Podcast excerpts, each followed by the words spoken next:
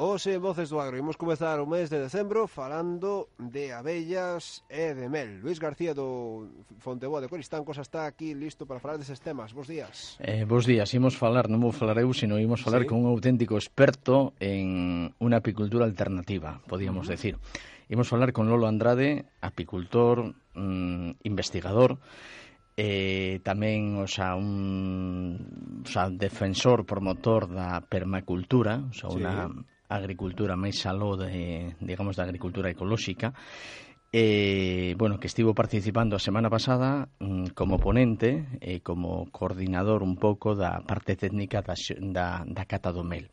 Temos o teléfono. Lolo, bons días. Buenos días. Donde estás? Na túa base ou que? Me encuentro en Aza de los Ríos, donde digamos que es mi pequeño laboratorio. Laboratorio investigador sobre el terreno, ¿no? Sí. Hace un tiempo, eh, vamos, hace varios meses, eh, titulaba La Voz de Galicia, titulaba En Oza de los Ríos hacen agricultura sin azadón. ¿Te acuerdas, no? Sí, sí, sí. Y va un poquitín en esa línea, o sea que mm, en agricultura hay que investigar mucho y vamos que no, vamos, no es todo cuestión de, de elaborar la tierra, ¿no? Sí, y bastante verdes en lo que es en, en agriculturas alternativas de este tipo, porque en otros países nos llevan bastante adelanto en el concepto de que ya llevan desarrollando la permacultura desde los años 70. ¿En qué consiste la permacultura? Pues eh, digamos que el nombre de permacultura lo acuñó eh, un ingeniero agrónomo eh, australiano que se llama Bill Mollison y, simplemente consiste eh, en, digamos que es un sistema de diseño para creación de asentamientos humanos sostenibles, o sea, que sean ecológicamente viables y sanos, claro. Bien, y es lo que estás aplicando tú ahí en tu base de sí, entonces de los Ríos, yo eh, lo, lo, paso a todos los conceptos, ¿no? En este caso de lo que hablamos, que es la apicultura, pues hacemos lo que es apicultura sinérgica, intentando imitar a la naturaleza, que es lo que dice precisamente la palabra sinergia, ¿no? Y luego lo llevamos también, eh, digamos que hacia la agricultura, diseño de bosques, todo lo que conlleve a diseño de asentamientos humanos, pero de una forma respetuosa con el medio y intentando que sea lo más económica posible. O sea que hay que partir de un conocimiento exhaustivo de, las potencialidades de la pues, naturaleza, ¿no? Ya tenía un familiar que, digamos, que estaba involucrado en este tema desde muy joven, que fue el que me involucró a mí y puedo decir que desde los 15 años pues ya llevo en este mundo de la ecología y claro, un paso más allá, ¿no? Ecologías que sean fáciles de realizar por cualquier persona, sí, con conocimientos mínimos, y que den resultado, claro. Claro, porque si no queda en puro romanticismo, ¿no? Sí, sí, sí. Esto, Lolo, vamos, hablamos de sostenibilidad, sostenibilidad de los sistemas de producción, o sea que tiene que ser sostenibles desde el punto de vista, vamos, ambiental y eh, también económico, ¿no? Como bien apuntabas.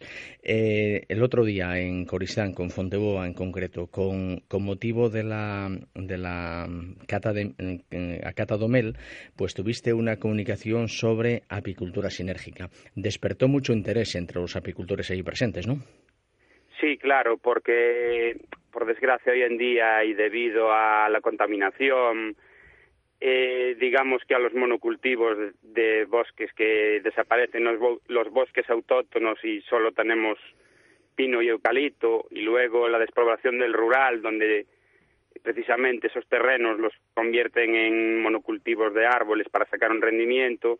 ¿Y qué ocurre? Que las abejas se encuentran en que cada vez tienen menos biodiversidad, o sea que no hay suficiente flor como para que ellas tengan variedad y puedan alimentarse mejor, autocurarse de sus patologías. Entonces, claro, eh, el muy conocido síndrome de, de la despoblación de las colmenas, que es debido a varios síntomas, tanto como enfermedades como eh, insectos que atacan a las abejas y las debilitan y claro, los apicultores de toda España están muy preocupados porque la mayoría de ellos es su medio de vida. o sea, el tema de despoblamiento de las, de las colmenas.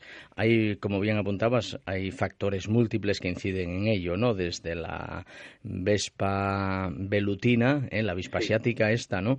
Después también se hablaba de las, en algún momento se habló de las antenas de móviles y después, bueno, pues los eh, fitosanitarios que se utilizan en, en, determinados cultivos, que de hecho están prohibidos ahora por la, vamos, por la Unión Europea, ¿no? Entonces, hacías el otro día, hacías alusión eh, al tema, ¿cómo influyen, por ejemplo, las, las antenas de, de móviles? Bueno, en este caso, eh, os voy a explicar un poquito rápidamente, porque no tenemos tiempo, cómo funciona mm, el sistema de telefonía es una red, digamos que con la forma de un panal de abeja. Y entonces son antenas que van retransmitiendo lo que nosotros hablamos eh, de un punto a otro hasta llegar del emisor al receptor. ¿Qué ocurre? Eh, la abeja, eh, digamos que en su cuerpo tiene, para que todo el mundo lo entienda, imanes. porque al volar en las alas, en unas retículas que tiene, produce electricidad. Entonces, vibra para producir esa electricidad a un, digamos que a unos hercios que son muy parecidos a los que produce la telefonía móvil. Entonces, claro, como cada vez ponen más, más antenas, cada vez más potentes, eh, los apicultores que tengan las colmenas cerca de, de estas torres, eh, las abejas se ven obligadas a, estar, eh, digamos, que aleteando más, con lo que siguiente de que se cansan, se estresan, Consumen más energía. acaban muriendo y viven mucho menos tiempo. O sea que ahora tú y yo, que estamos hablando aquí desde Carballo, Ozo de los Ríos, estamos contribuyendo involuntariamente. estamos eh, estropeando algún a alguna pobre abeja, sí. Muy bien, o sea que, que, un factor, o sea que influye de esa manera y entonces un factor importante pues es que la localización de las antenas eh, estén... Sí, claro, ¿qué solución tendrían los apicultores? Pues el que pudiese separar las antenas, ah, o sea, las, las colmenas lo más posible de las antenas, porque separar las antenas le iba a ser complicado. Sí, entramos ahí con otro tipo de, de intereses, ¿no? Bien, hacías alusión, Lolo, Lolo Andrade, eh, vamos, eh, de la, estamos hablando de apicultura sinérgica y eh, hacíamos alusión de hacías alusión hace un momento de mm, que hay una flora mm, más adecuada para la, la, forestación vamos para la producción apícola no sí, incluso el otro día en tu comunicación hablabas de varias especies la manuca echium regaliz etcétera no a ver de qué va esto bueno eh, estamos realizando desde hace tiempo lo que se llama como forestación apícola ¿Esto a qué se refiere? Muy sencillo. Lo que hablábamos antes, que por avatares, pues las abejas cada vez están teniendo más, menos alimento. Y los apicultores, ¿cómo lo pueden remediar? Pues simplemente eh, con una serie de plantas que son muy sencillas de conseguir y de cultivar, eh, alrededor de las colmenas, el que pueda, claro, porque el que la tenga en el patio de su casa, pues, y, no tenga espacio, no podrá hacerlo, ¿no? Pero bueno, muchas veces hay apicultores que tienen terreno y sería plantar este tipo de plantas. Eh, por ejemplo, me hablas de la manuca, que es una es un arbusto eh, de Nueva Zelanda, que es una planta de un cultivo muy sencillo y hoy en día cualquier vivero solicitándola la conseguiría sin ningún problema. ¿Qué ventajas tiene la manuca hacia las abejas? Eh, pues produce una miel que incluso los apicultores podrían utilizar comprando miel de manuca para alimentar a las abejas y curarlas, eh, por ejemplo, de la nosemosis, que es una bacteria que se les mete en el trasto digestivo y les impide comer y se acaban muriendo. Y podrían eh, plantar eh, pues por colmena cuatro manucas, por ejemplo, que eh, cuando tenga tres años de edad la planta produce miles de flores donde las abejas eh, comienza a florecer, digamos que a principios de la primavera y termina ahora en octubre-diciembre, entonces les cubriría perfectamente eh, un, rango muy grande de alimento. Y luego, claro, se beneficiarían del antibiótico que produce la planta. Luego otras importantes, el lechium, que es una planta bianual que crece en dos fases. Eh, primero se hace, el primer año sale el tallo y el segundo sale la flor.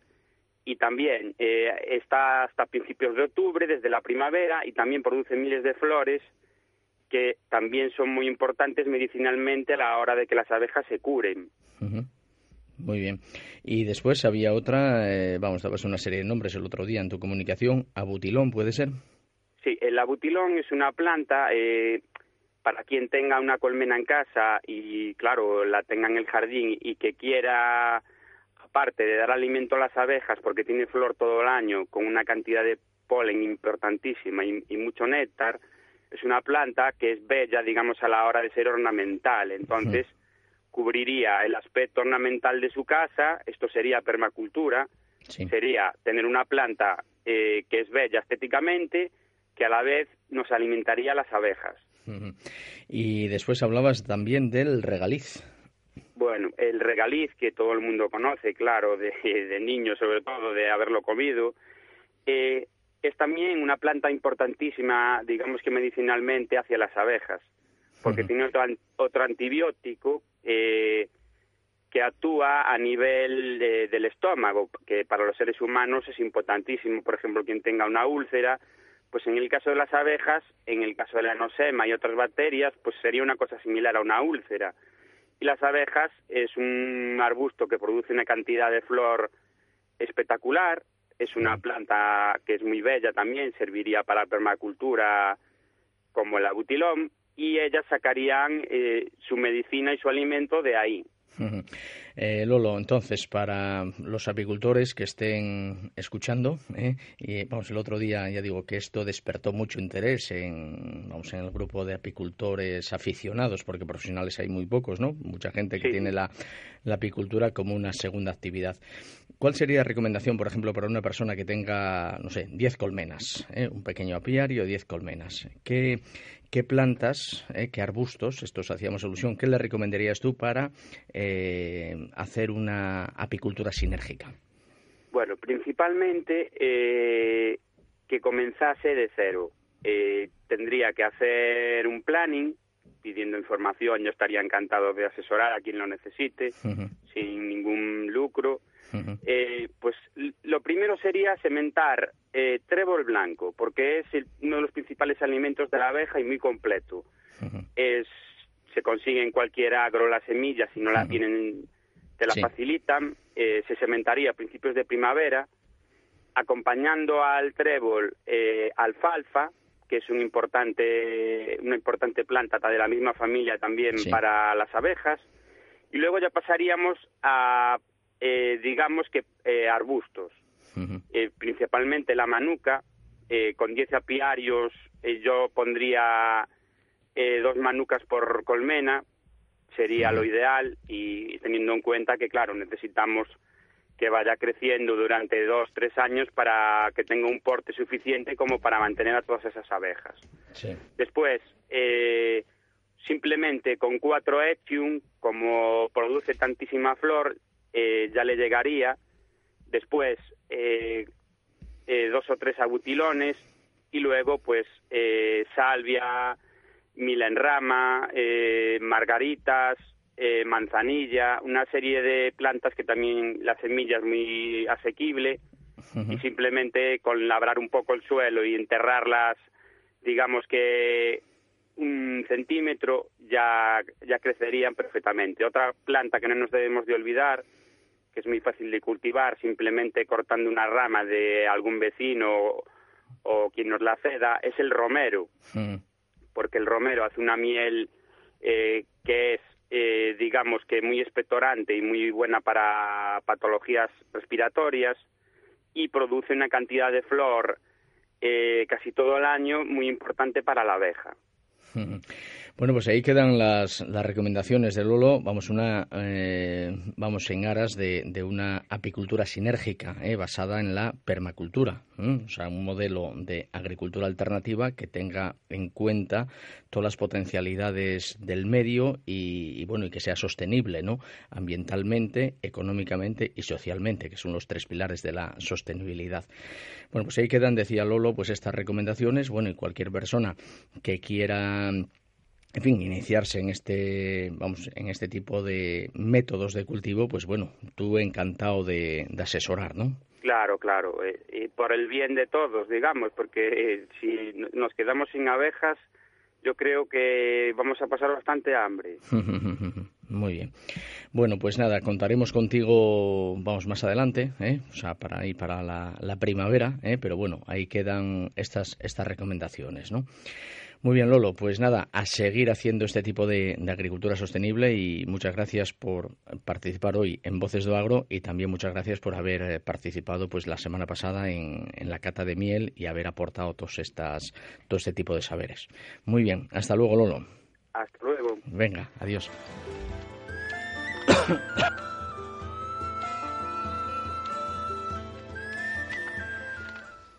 Imos cambiar de, de asunto, deixamos as abellas sí. por Bueno, as abellas non hai que deixalas nunca.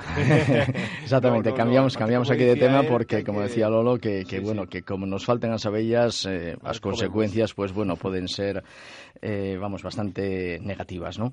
Bueno, imos falar hoxe de, Lolo decía que si nos faltaban as abellas que podíamos pasar, eh, que podíamos pasar hambre, mm. eh?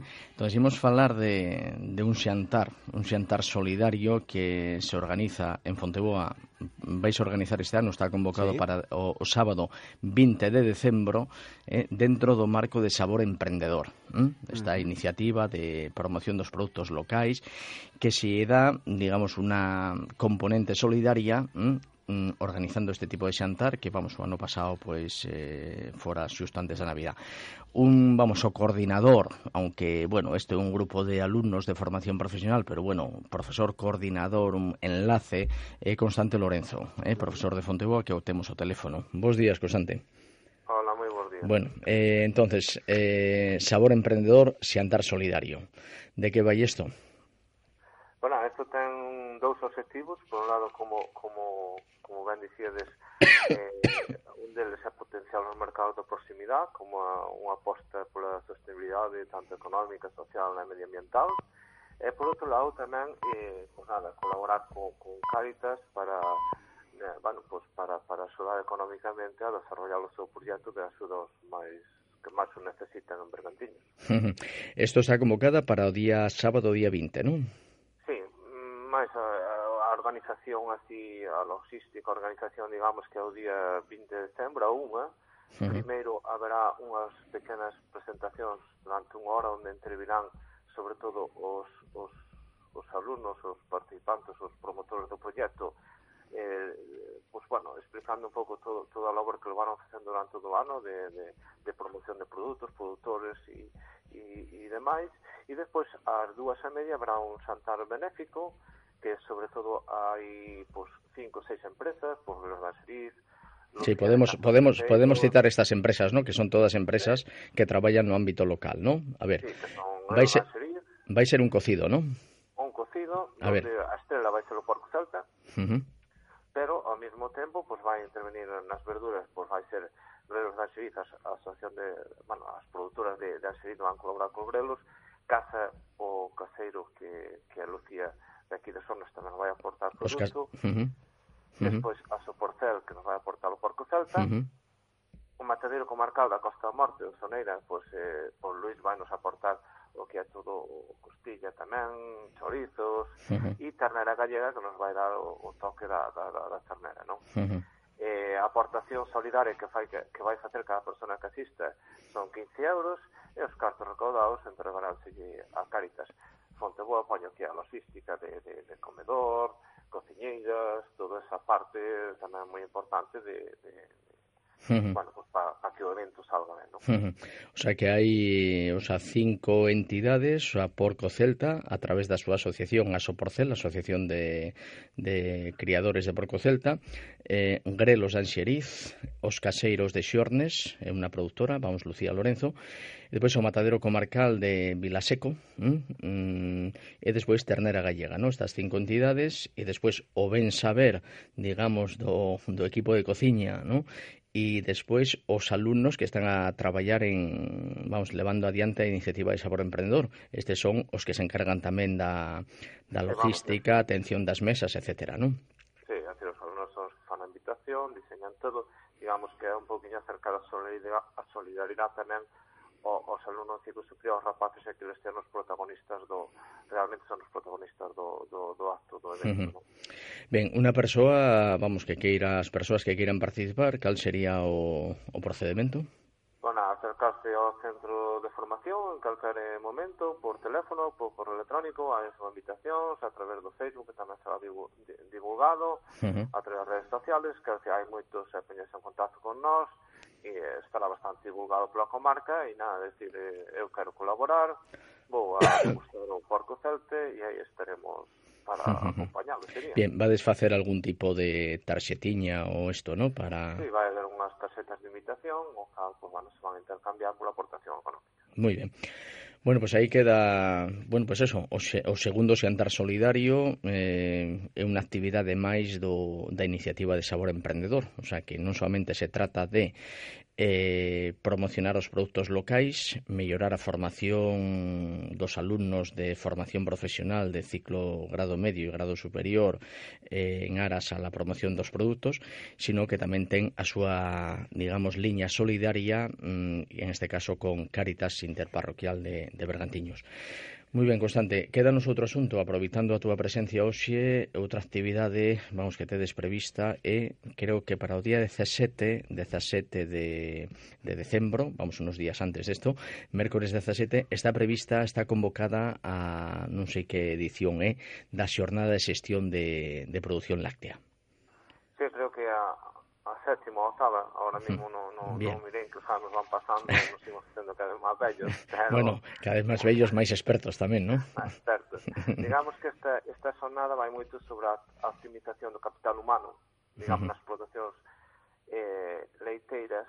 Entón, pues nada, será o 17 de, de, de diciembre, un uh -huh. miércoles, empezaremos ás 10, será eh, no, nunha explotación da comarca, eh, que estamos a concretar, pero bueno, prácticamente xa temos cerrada que sería Sate Niveiro, pero bueno, uh -huh. e eh, sobre todo vai ser un pouquiño diferente ao que nos podemos encontrar só de aspectos técnicos, vai ver, eh, vas abordar outros aspectos máis sociales, máis medioambientales e sobre todo como gestionar o capital humano mm, nas explotacións leiteiras. Non? Uh -huh. Sobre que ser moi interesantes, a, adiantaremos máis a semana que ven. Pero... Uh -huh.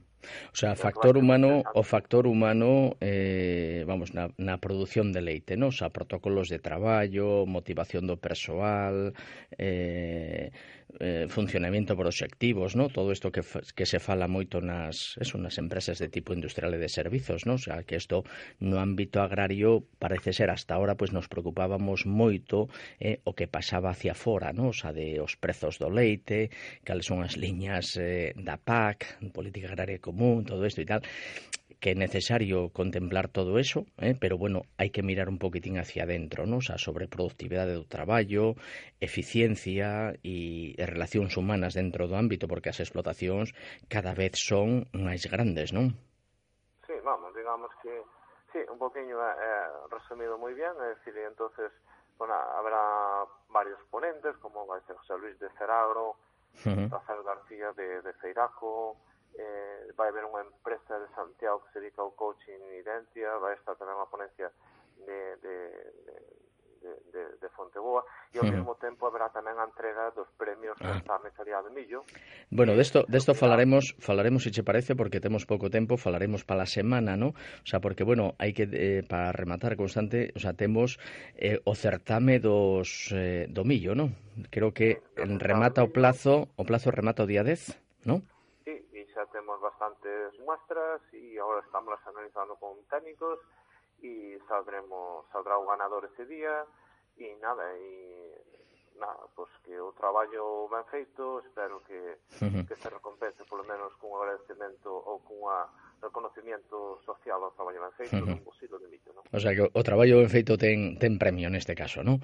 O sea, traballo ben feito de, o sea, facer ben as cousas no ámbito de, eso, neste, neste caso no ámbito do, do cultivo do millo, non? O sea, hai unos indicadores que van a valorar. O sea, entonces, unha recomendación para todas aquelas persoas, non solamente por, por la posibilidad de, de optar o premio, non? Que os premios me parece que son, vamos, son... máis... Eh, a, a, Sí, o máis importante é estar en esta dinámica, non? O sea, unha dinámica de mellora permanente e de eso, de, de mellora, de, de ser cada vez máis máis eficientes e, e tamén de formación, de coñecemento, non?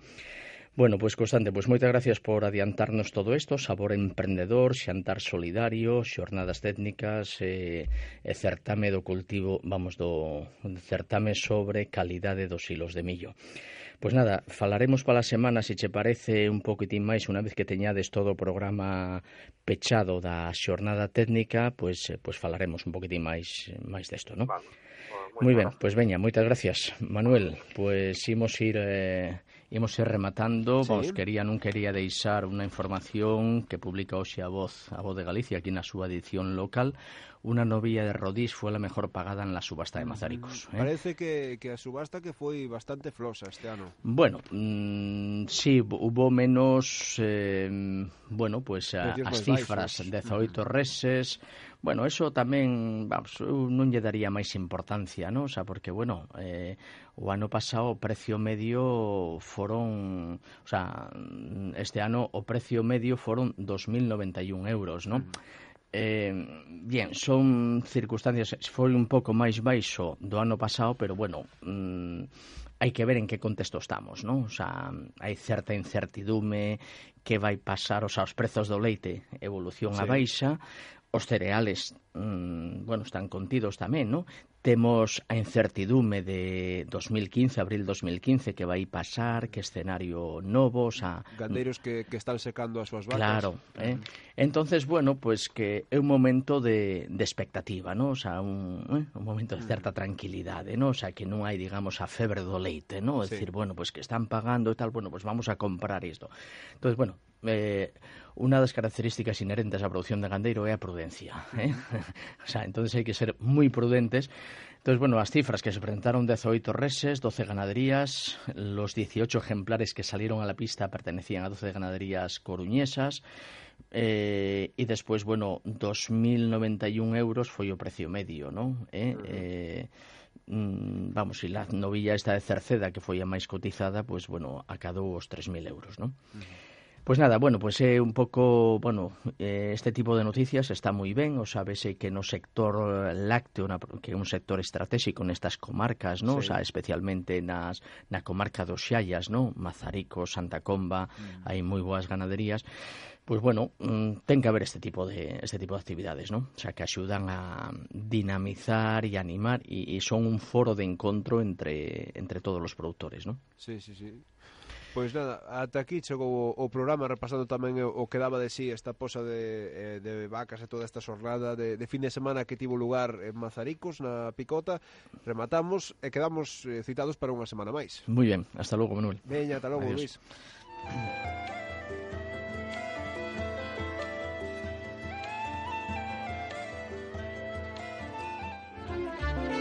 A actualidade do sector agropecuario en Voces de Bergantiños. Xesga patrocina Voces do Agro. Xesga, na Avenida de Finisterre 77 en Carballo. Aquí atopará todos os produtos que precise para o agro, a gandeiría, o xardín e as mascotas.